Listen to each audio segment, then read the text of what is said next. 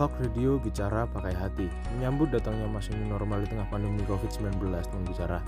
Ada banyak pertanyaan yang timbul di tengah masyarakat. Salah satunya yaitu pertanyaan yang timbul yakni benda wajib apa yang dibawa saat new normal. Nah, sambil nemenin nongki kamu Arya bakal ngasih tahu kamu benda apa aja sih yang harus dibawa itu.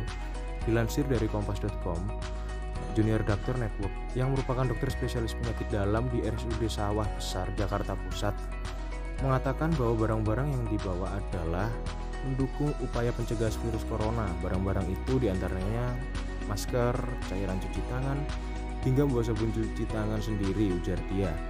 Nah, teman bicara, sudah tahu kan? Jadi buruan siapin keperluan yang harus kamu bawa di era new normal ini biar bisa nongkrong dan makin asik sama temenmu. Yuhu.